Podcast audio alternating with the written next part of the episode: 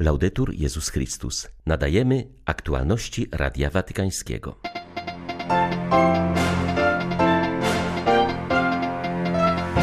Papież Franciszek ogłosił najbliższą środę dniem modlitwy o pokój.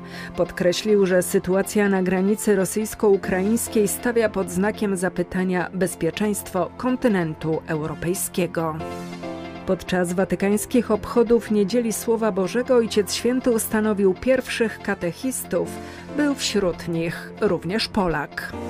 Kościół ma przyszłość, człowiek potrzebuje Ewangelii, podkreśla arcybiskup Luksemburga, pytany o przyszłość katolicyzmu w Europie. 23 stycznia wita Państwa Beata Zajączkowska. Zapraszam na serwis informacyjny. Papież Franciszek ogłosił 26 stycznia Dniem Modlitwy o Pokój.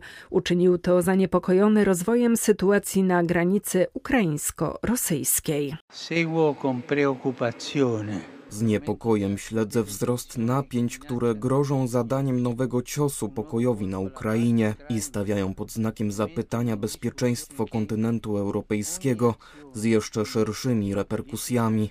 Gorąco apeluję do wszystkich ludzi dobrej woli, by wznieśli modlitwę do Boga Wszechmogącego, aby każde działanie i inicjatywa polityczna służyły ludzkiemu braterstwu bardziej niż jednostronnym korzyściom. Ci, którzy realizują własne cele ze szkodą dla innych, gardzą własnym powołaniem bycia człowiekiem, ponieważ wszyscy zostaliśmy stworzeni braćmi. Z tego powodu proponuję, aby najbliższa środa, 26 stycznia, była dniem modlitwy o pokój. sia una giornata di preghiera per la pace. Bóg nie jest rygorystycznym celnikiem naszego życia, a nasza wiara nie może być obciążona strachem. Ojciec Święty mówił o tym podczas Eucharystii sprawowanej w Bazylice Watykańskiej z okazji Niedzieli Słowa Bożego. Franciszek zachęcił do rachunku sumienia z tego, jakie oblicze Boga głosimy w Kościele i czy jesteśmy Kościołem posłusznym wobec Słowa. Dio è vicino. E Bóg jest blisko i chce się zatroszczyć o mnie, o ciebie, o wszystkich. To jest charakterystyka Boga bliskość. Poprzez tę czułą i współczującą bliskość chce cię uwolnić od ciężarów, które cię przygniatają, chce ogrzać chłód twoich zim, chce rozświetlić twoje mroczne dni, chce wspierać twoje niepewne kroki i czyni to za pomocą swojego słowa, którym do ciebie przemawia, aby rozpalić nadzieję w popiele Twoich lęków, aby pomóc Ci odnaleźć radość w labiryntach Twoich smutków, aby napełnić nadzieją gorycz Twoich chwil samotności. al suo volto vero, alla sua misericordia. Papież wskazał, że aby poznać prawdziwego Boga, musimy zacząć od słowa, które opowiada nam historię miłości Boga do nas, uwalnia nas od lęków i przesądów wobec Niego, gaszących radość wiary. Słowo Boże karmi i odnawia wiarę. Umieśćmy je na nowo w centrum modlitwy i życia duchowego, zachęcał Ojciec Święty, przypominając, że Słowo prowadzi nas do człowieka. Nella sinagoga di ci proprio questo. W synagodze w Nazarecie Jezus objawia nam właśnie to. Jest posłany, aby wyjść na spotkanie ubogich, którymi jesteśmy my wszyscy, i ich wyzwolić. Nie przyszedł, by przekazać listę norm, czy odprawić jakąś ceremonię religijną, lecz wyszedł na drogi świata, by spotkać zranioną ludzkość, by obdarzyć czułością twarze poryte cierpieniem, by uleczyć serca złamane, by nas uwolnić z łańcuchów, które zniewalają nasze dusze. W ten sposób ukazuje nam, jaki kult jest najbardziej miły Bogu, zatroszczenie się o bliźniego.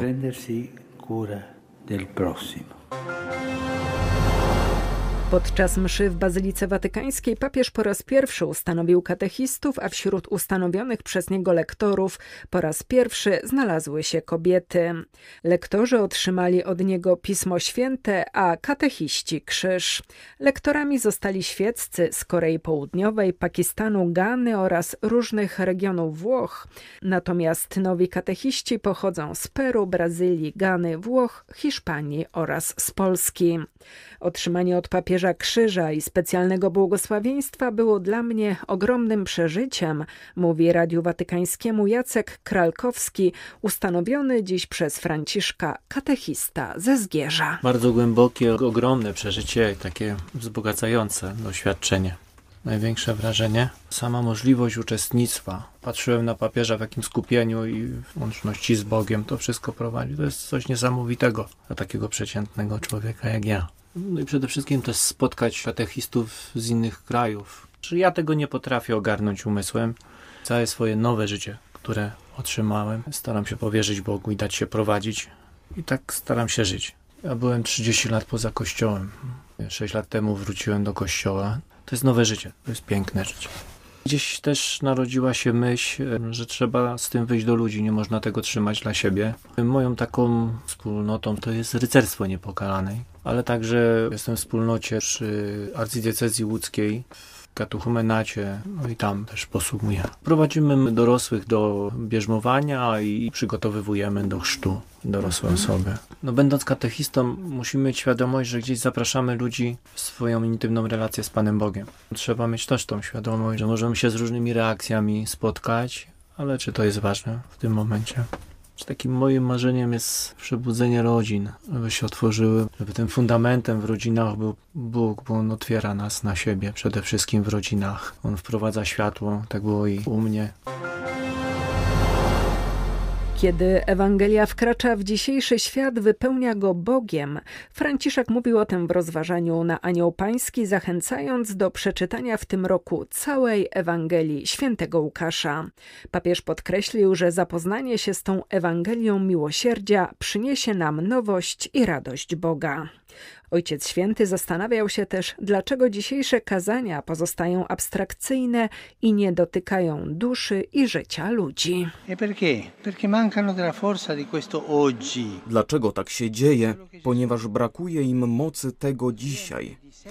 Tego dzisiaj, które Jezus mocą Ducha Świętego napełnia sensem.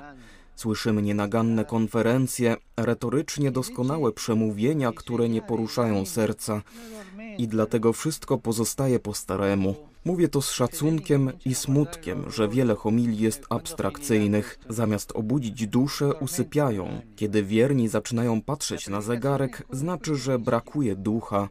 Zagraża to kaznodziejstwu. Słowo, w którym nie tętni życie, nie jest godne Jezusa i nie pomaga w ludzkim życiu. Dlatego właśnie ten, kto głosi, jako pierwszy musi doświadczyć dnia dzisiejszego Jezusa, tak aby mógł przekazać go w dniu dzisiejszym innych. Così da poterlo comunicare negli oggi degli altri.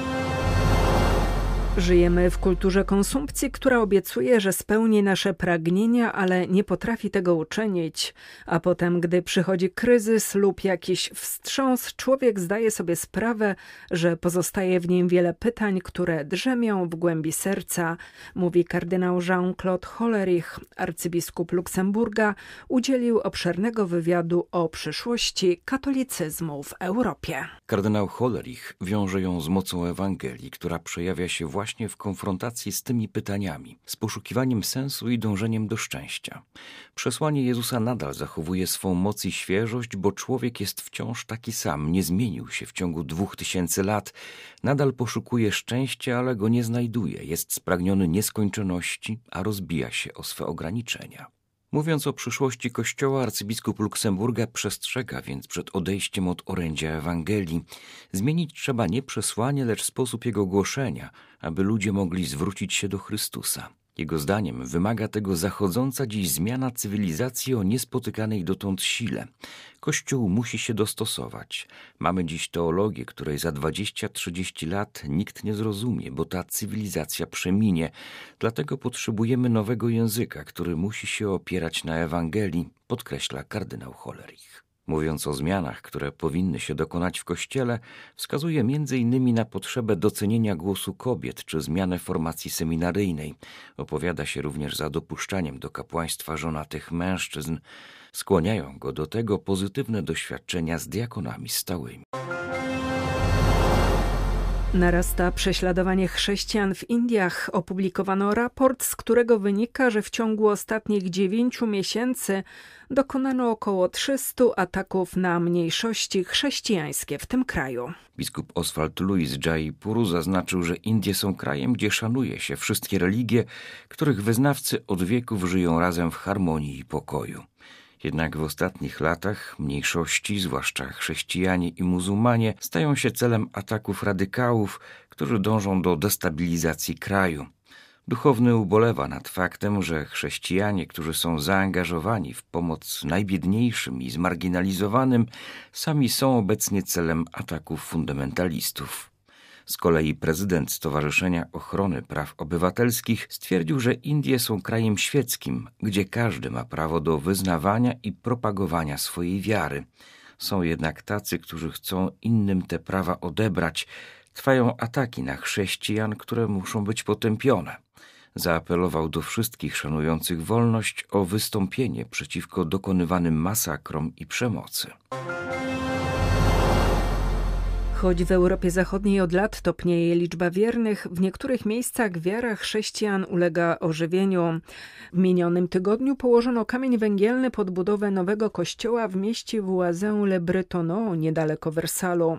Jeśli będziemy pokazywać jedynie obraz kurczącego się kościoła, nikt nie będzie chciał do nas dołączyć, mówi proboszcz miejscowej parafii. Krajobraz religijny we Francji jest dość zróżnicowany. Liczne są ataki podyktowane wrogością względem chrześcijan, prawie tysiąc w roku 2020, w tym akty wandalizmu względem kościołów i innych miejsc kultu. W tym roku dokonano już profanacji katedralnej bazyliki w Saint-Denis oraz kilku innych kościołów, choć wiele diecezji musi się starać o zapewnienie ochrony opustoszałym świątyniom, są też jednak miejsca, gdzie trzeba wyjść naprzeciw nowym potrzebom duszpasterskim. Budowa kościoła w Voisin-le-Bretonneau jest tego dobrym przykładem.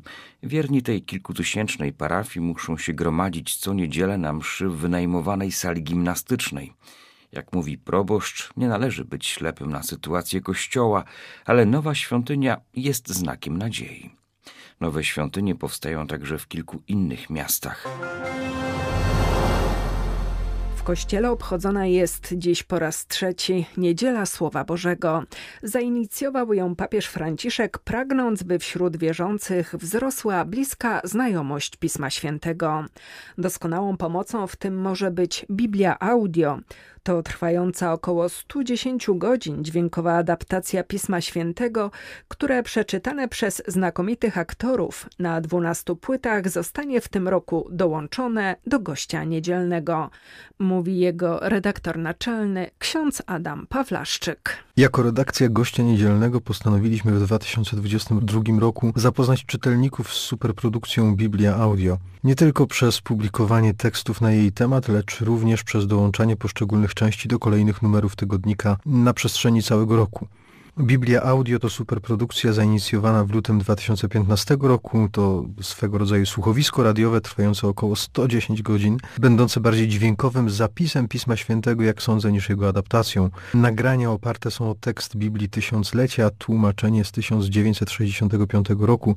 Tekst ten w całości, poza dialogami, w których nie padają słowa, kto wypowiada daną kwestię i wiernie z ogromnym rozmachem przy współudziale prawie 500 aktorów i 10 tysięcy statystów nagrany został na 12 płytach.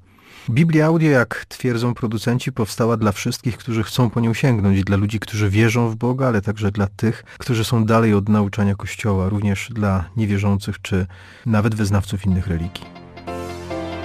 Były to aktualności Radia Watykańskiego. Laudetur Jezus Chrystus.